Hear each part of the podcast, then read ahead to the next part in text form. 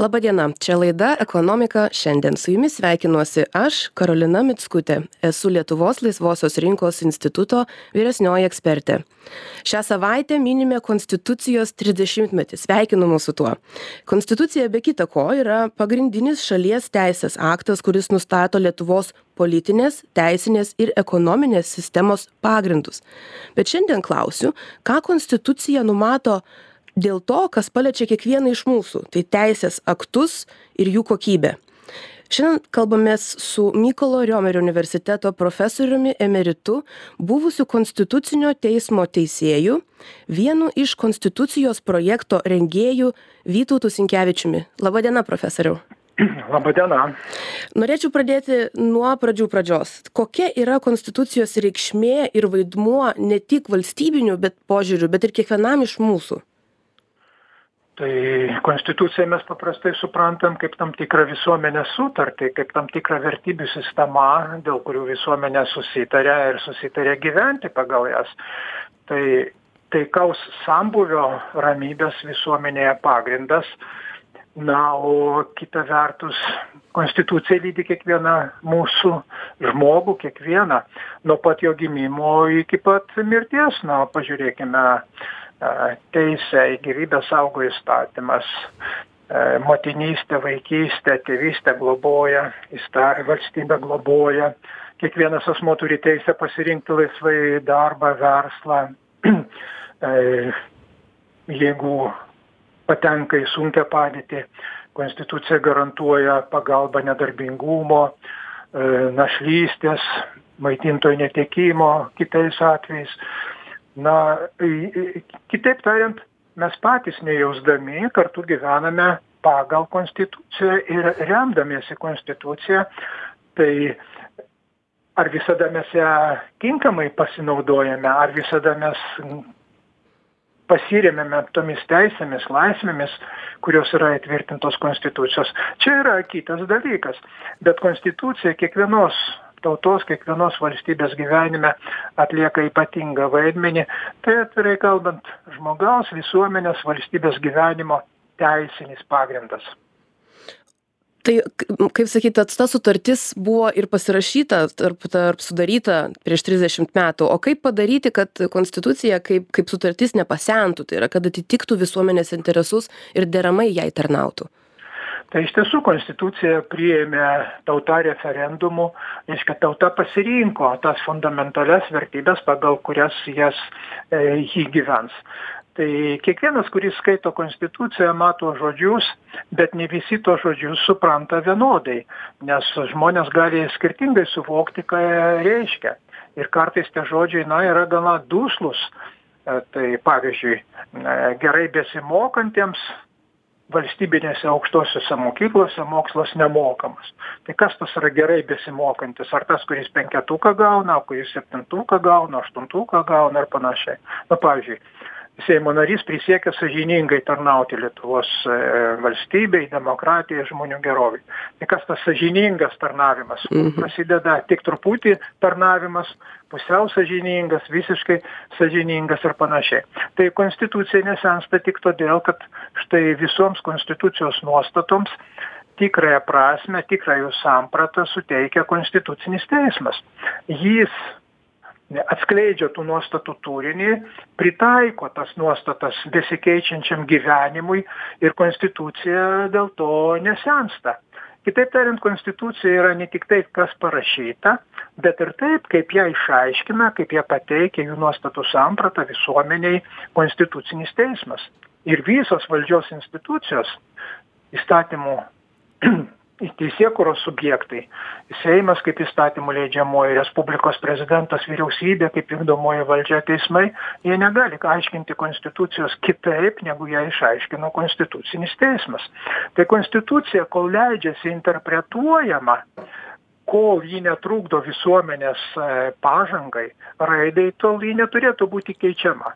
O pokyčius turi lemti tik objektyvūs kažkokie dalykai kai konstitucija jau neatlieka jai te neatlieka nesugeba atlikti jai tenkančios funkcijos užsiminėte ir pats apie teisėkūrą profesoriau ir norėčiau tuomet pratęsti tą temą. E, minėjote kad konstitucija kaip pamatinis teisės aktas taip pat nustato ir kaip priimami kiti pavyzdžiui įstatymai nutarimai ir taip toliau teisėkūros kokybės klausimas ko gero dešimtmečiais mums dar aktualus bet daugiau ar mažiau bet šį kartą aštuonioliktoji vyriausybė įsipareigojo gerinti teisėkūros kokybę. Tačiau kaip yra vertinama teisės aktų kokybė tuomet konstituciniu požiūriu na tai konstituciniu požiūriu konstitucijoj įtvirtintas atsakingo valdymo principas. Vadinasi ir seimas ir vyriausybė atlikdami savo funkcijas turi elgtis labai atsakingai. Tai o visuomenės gyvenimas reguliuojamas priimant įstatymus priimant vyriausybės nutarimus ir panašiai. Tai iš pačios konstitucijos iš to atsakingo valdymo principo kyla kad tai turi būti daroma e, na kiek įmanoma kokybiškiau kad e, negali būti skubama priimant įstatymus, kad tai negalima nustatyti, kad jie galioja atgal, e, kad turi būti tam tikras laikotarpis, kad ūkio subjektai, kiti asmenys pasirenktų naujam teisiniam reguliavimui ir panašiai. O įstatymų kokybė na ji visose valstybėse yra įvairaus lygio ir turbūt nerasim nė vienos valstybės kur galima pasakyti kad viskas yra puiku ir nieko ten keisti nereikia jokių problemų ten nėra. Tai lietuvoj lygiai taip pat bet mas bet mes lietuvoj pastebime ir kitą tendenciją kad labai daug įstatymų pripažįstami prieštaraujančiais konstitucijai. Vadinasi vadinasi seimas leisdamas įstatymus neatlieka visų procedūrų nesilaiko tų visų procedūrų kurios yra numatytos teisėkūros pagrindų įstatyme ir atsiranda įstatymai kurie nėra kokybiški. Ir jeigu mes pasižiūrėtume tai absoliučią daugumą įstatymo e, leidyboje sudaro įstatymų pataisos. Mhm. e, aš aš prieš kelis metus pasižiūrėjau ne šitos vyriaus ne šitos kadencijos seime bet ankstesnės kadencijos seime. Per vieną dieną seimas sugebėjo priimti ar šimtą įstatymų. Tai jūs jūs paklauskite to seimo nario išėjusio ką tik iš salės už ką jis balsavo ar jis prisimins? Jis nieko neprisimins. Tai tokia teisėkūra nu ji nėra skatintina nėra toleruotina e, bet pagrindai kuriais turi remtis seimas leisdamas įstatymus ir panašiai jie yra labai aiškūs jie yra įtvirtinti specialiame įstatyme. Teisėkūros pagrindų įstatyme. Mhm. problema yra kita kad tų pagrindų ir tų reikalavimų ne visad laikomasi taip ir čia antrina jums ir mūsų instituto atlikti tyrimai ir jie rodo kad daugiau negu pusė įstatymų e, du tūkstančiai penkioliktais du tūkstančiai dvidešimtais metais buvo priimti nesilaikant pareigos įvertinti jų poveikį o priimant naują reguliavimą apskritai jokia kita alternatyva negu priimti tą konkretų teisės aktą nėra svarstoma nors tai irgi įpareigoja daryti teisėkūros pagrindų įstatymas. Ir viename iš tokių sakykim instrukcijų paties instrumento tai yra projekto aiškinamajame rašte nurodomos didžiąja dalimi tokios deklaratyvios viltys aš taip vadinčiau poveikio nebus. Neigiamų padarinių nenumatoma ar neigiamų padarinių neturėtų būti tai aš suprantu kad konstitucinis teismas yra aiškindamas konstituciją nustatęs kad seimo narių mandatas nėra absoliutus kaip toks. Ir jį riboja paties seimo priimti įstatymai kaip jūs ir sakote įskaitant ir teisėkūros pagrindų įstatymą. Ne tik tai kas eksplicitiškai parašyta konstitucijoj bet ir kiti įstatymai. Tokia įdomi paradoksali situacija. Tai ką tuomet reiškia seimo nario laisvasis mandatas ir kokios jo ribos? Ir kaip galiausiai suderinti tą seimo nario laisvę su ir su ja su jo veiklai keliamais kokybės reikalavimais? Pavyzdžiui ar būtų galim neregistruot projekto kol jis neatitiks ne turiniui bet jo parengimui keliamiems reikalavimams na seimo nario laisvo mandato esmė gal yra truputį kitokia. Laisvas mandatas reiškia kad seimo narys balsuodamas įgyvendindamas įstatymų leidybos iniciatyvos teisę ir panašiai jis negali būti varžomas jokių kitų mandatų. Tai yra jis negali būti varžomas saistomas jokių kitų asmenų nurodymų reikalavimų įpareigojimų. Negali jo įpareigoti tarkim verslo struktūra finansų e, sektorius ar dar kažkas pateikti tam tikrą projektą apginti tą projektą ir panašiai seimo nario laisvas mandatas tai reiškia jo laisva nuožiūra balsuoti taip kaip reikalauja konstitucija valstybės interesai ir e, seimo nario sąžinė Bet pasitikslinsiu, pasitikslinsiu, ne, ne jo iš rinkėjų valią turi išreikšti, ar ne, deputatas, bet savo paties. Ne. Seimo narys yra tautos atstovas.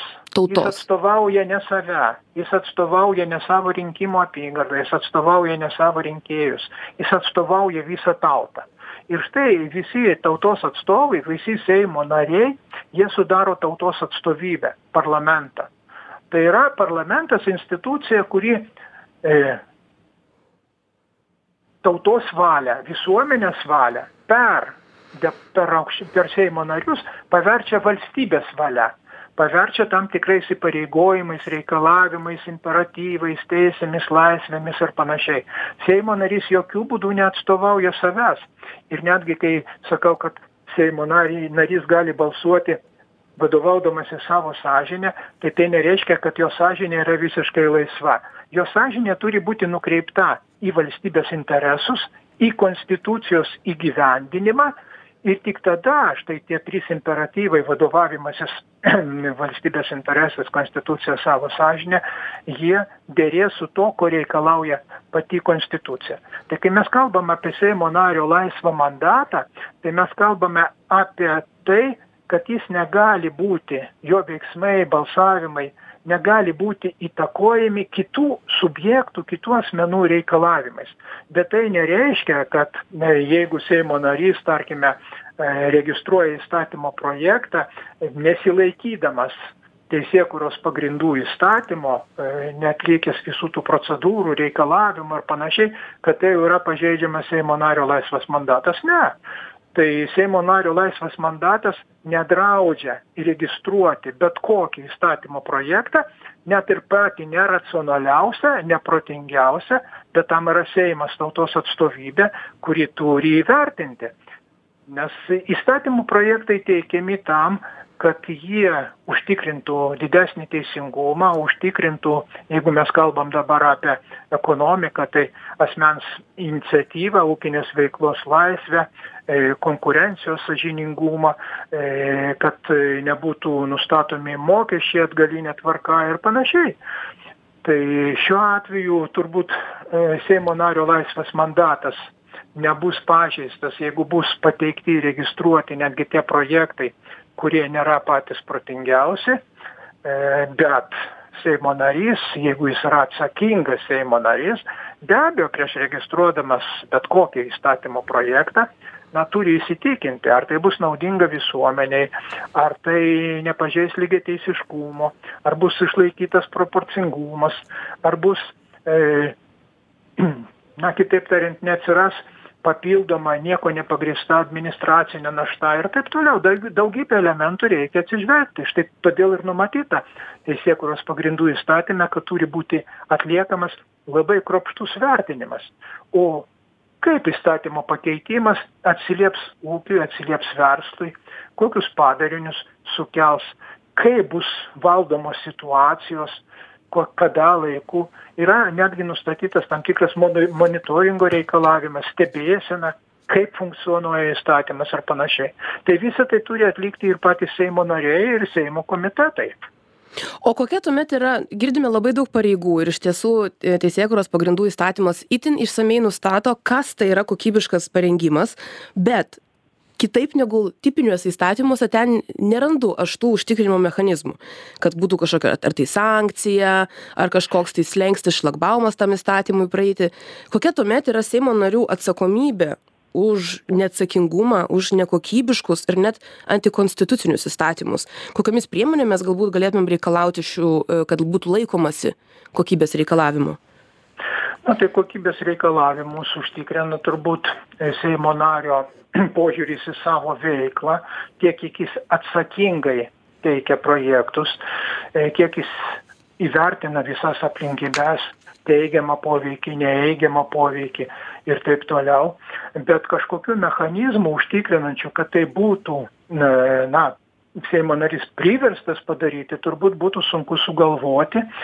Tai bet aš čia matau ne seimo nario atsakomybę konkrečią bet aš matau seimo kaip visos institucijos kaip tautos atsak e, tautos atstovybės atsakomybę. Juk galima įregistruoti įstatymą jeigu seimo narys mano kad jis na reikalingas. Jis gali klysti. Jis gali labai sąžiningai klysti. Bet tam ir yra komitetai tam yra komitetų biurai tam yra įstatymų projektų aptarimas su visuomene, jos nuomonės sužinojimas, ekspertų pozicijos išklausimas. Tam yra organizuojami klausimai e, komitetuose, kai ateina ir tie, kurie pritarė įstatymo projektų, ir tie, kurie nepritarė ir panašiai. Tai šitą atsakomybę turbūt negalime, šios atsakomybės negalime perkelti konkrečiam Seimo nariui, kuris pasiūlė įstatymą. Taip mes prisiminsim, kas inicijavo. Bet atsakomybė tenka Seimui, kaip įstatymų leidžiama institucijai. Tai o jeigu įstatymas prieštarauja konstitucijai, tai vienas penktadalis Seimo narių, vyriausybė, teismai gali kreiptis į konstitucinį teismą ir ginčyti to įstatymo konstitucingumą. Ir tik konstitucinis teismas gali atsakyti, ar tas įstatymas atitinka konstituciją, ar jai prieštarauja. O galėčiau taip pat paklausti, e, minėjote, ponė Sinkevičiau, kad Seimo narys turi atstovauti tautą. O galim taip pat pasakyti, kad kokybiška teisėkura tai yra kiekvieno tautiečio e, konstitucinė teisė arba garantija? Ne, tai viskas priklauso nuo to, e, kokį Seimą mes turime. Tai mm. Seimą renka rinkėjai, Seimą renka tauta. Tai jau prieš 200 metų pasakyta, kad tauta, jeigu nori pamatyti save veidrodėje, tegul pasižiūri į Seimą. Nes Seimas kaip tautos atstovybė tai yra tautos veidrodis tai jeigu mes rinksime į seimą žmones kurie yra pasirengę tam darbui kurie turi patirties turi yra išsilavinę kurie nori dirbti tautos labui tai mes turėsime kitokią seimo kokybę. Mes turėsime ir kitokios kokybės įstatymus. Bet jeigu mes pasiduodame populizmui kas daugiau prižadės kas daugiau prikabins atvirai kalbant makaronų e, kas su sugebės sugundyti rinkėją ar tai savo garsiu vardu ar tai savo sportiniais pasiekimais ar tai dar kažkuo. Tai mes žinoma galime išrinkti žmones kurie yra nepasirengę būti atlikti parlamentaro darbą. Ir tada mes turime e, na įvairių ir pasiūlymų keistų pasiūlymų kartais su kuriais negalime sutikti. Bet viską į savo vietas susideda sudeda pastato konstitucinis teismas. Nes jis kiekvieną kartą uždeda konstituciją ant tų naujų besiformuojančių santykių. Ir labai svarbu kad tie nauji besiformuojantys santykiai kurie atsiranda per įstatymus per vyriausybės nutarimus ar panašiai kad jie derėtų su konstitucija. Tai jeigu jie ne nedera su konstitucija konstitucinis teismas paprasčiausiai pašalina juos iš teisės sistemos. Tarp kitko prieš laidą pasidomėjau kad konstitucinis teismas savo du tūkstančiai dvidešimtų metų pranešime pabrėžė kad metai buvo rekordiniai iš trisdešimties vertintų teisės aktų dvidešim šeši buvo pripažinti antikonstituciniais. Ir kviesčiau tuomet profesoriau pasam pagalvoti o ką tai praktiškai reiškia man jums kiekvienam iš klausytojų? Ar tai nėra tokia konstitucijos pažeidimas tiesiog kaip kaip žala kaip tokia ne tai be abejo kiekvienas įstatymas kuris pripažįstamas prieštaraujančiu konstitucijai jis parodo jo nekokybiškumą. Vadinasi tos tie santykiai kurie buvo reguliuojami įstatymu buvo reguliuojami netinkamai. Reiškia kažkas patyrė nepatogumų kažkas patyrė teisės suvaržymų kažkas patyrė žalą ir panašiai. Bet jeigu mes pasižiūrėsime kad tarkim per metus priimama apie tūkstantį ir daugiau įstatymų jeigu sakysime kad tik dvidešim šeši pripažinti prieštaraujančiais konstitucijai tai mes turėsime vieną matymą e, vieną rodiklį. Bet jeigu mes e, kaip jūs sakote iš trisdešimties dvidešim šeši pri prieštarauja. Tai ar mes galim daryti prielaidą kad iš tūkstančio tų įstatymų daugiau kaip pusė prieštarauja konstitucijai? Tikriausiai ne. Tai e, kaip ten bebūtų bet e, patys rinkėjai tam tikra prasme yra atsakingi už įstatymų leidybos kokybę bet tik tuo požiūriu kad jie formuoja seimą Taip. Ne kas kitas formuoja Seimą. Ir, ir norėčiau tada pacituoti mėgstamą eilutę iš kino filmo, kad su didelė gale atneš, ateina ir labai didelė atsakomybė. Tai viena vertus mūsų džiugu žinoti, kad viskas yra rinkėjų mūsų rankose. Tai gal finalui tuomet ir norėčiau paklausti, ko palinkėtumėte mums visiems, minint šį Konstitucijos 30-metį na aš dažnai sakau kad konstitucijos gyvenimas yra ne tik popieriuje o konstitucijos gyvenimas realus gyvenimas tai yra valdžios institucijų sprendimuose veiksmuose. Yra kiekvieno mūsų sprendimuose e, sprendimuose ir elgesyje. Tai konstitucija nu ji turi persmelkti žmogaus visuomenės valstybės gyvenimą. Ir mes turime konstitucijos tiek kiek ją suvokiame kiek ją gerbiame kiek jos realus gyvenimas yra toks koks numatytas konstitucijoje. Tai trisdešims metų konstitucijai trisdešim metų ilgiausiai galiojanti konstitucija lietuvos istorijoje. Taip. Gyvybinga konstitucija pasiteisinusi konstitucija. Tai e, aš tiesiog norėčiau pasidžiaugti šia diena šiuo gražiu jubiliejum ir aš tikiuosi kad mūsų konstitucija dar ilgai bus mūsų visuomenės valstybės gyvenimo pagrindas nuoširdžiai ir aš to tikiuosi. Labai jums ačiū profesoriau sinkevičiau. Primenu klausytojams kad šiandien apie teisėkūros kokybei keliamus konstitucinius reikalavimus ir ką mes galim dėl to padaryti kalbėjausi su mykolo riomerio universiteto profesoriumi emeritu buvusiu konstitucinio teismo teisėju vienu iš konstitucijos projekto rengėjų vytautu sinkevičiumi. O klausytojus kviečiu likti kartu nes netrukus rubrika stebime valdžią kurios metu apžvelgsiu naujus valdžios sprendimus ir pasiūlymus Sveiki sugrįžę, čia rubrika Stebime valdžią, kurioje apžvelgsiu naujus valdžios sprendimus ir pasiūlymus.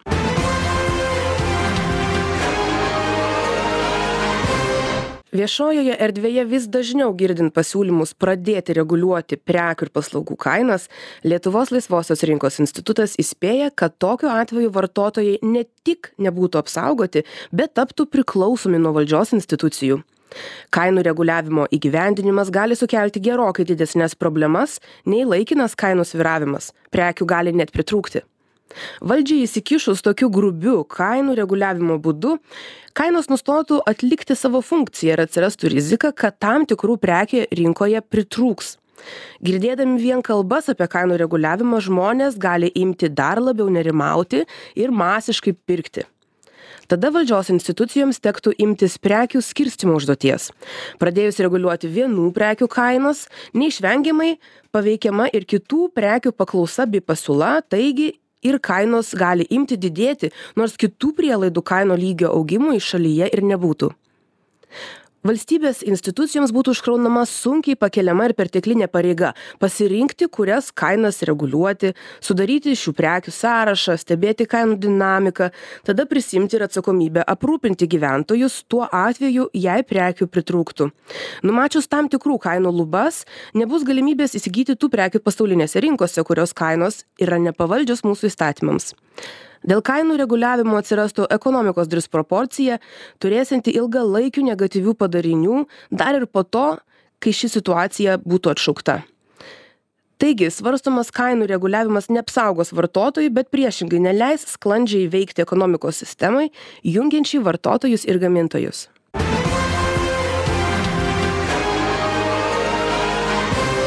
finansų ministerija seimui šią savaitę teikia projektų paketą kuriuo naikinama galimybė skubiai įteisinti mokesčių pakeitimus kartu su biudžetu.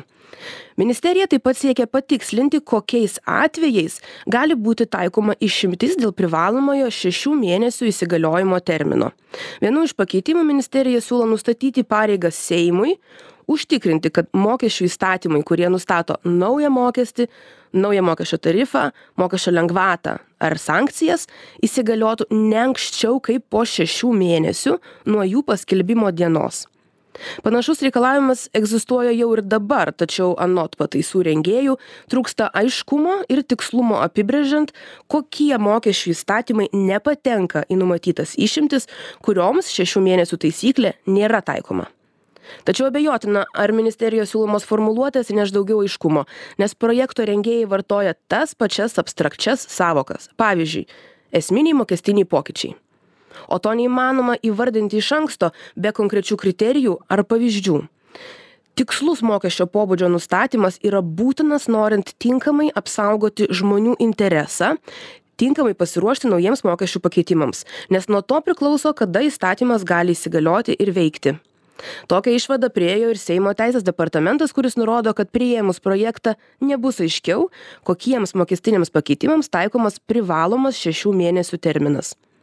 Departamento ekspertai įspėja kad yra būtina nustatyti saugiklius kad mokestiniai pakeitimai nebūtų daromi kitais negu techninio tvarkos pakeitimus. Praktikoje esama atvejų kai naujas mokestinis tarifas ar mokesčio mokėjimo tvarkos pakeitimai yra deklaratyviai įvardijami kaip techninio pobūdžio arba neesminiai.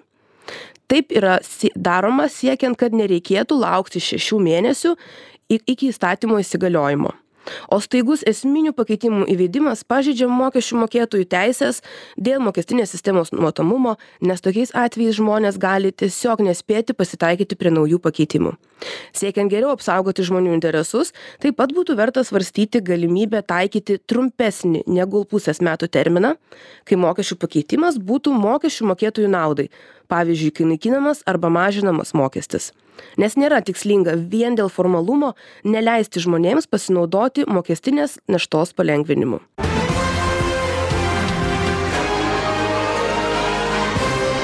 Šiandien tiek. Ačiū kad esate kartu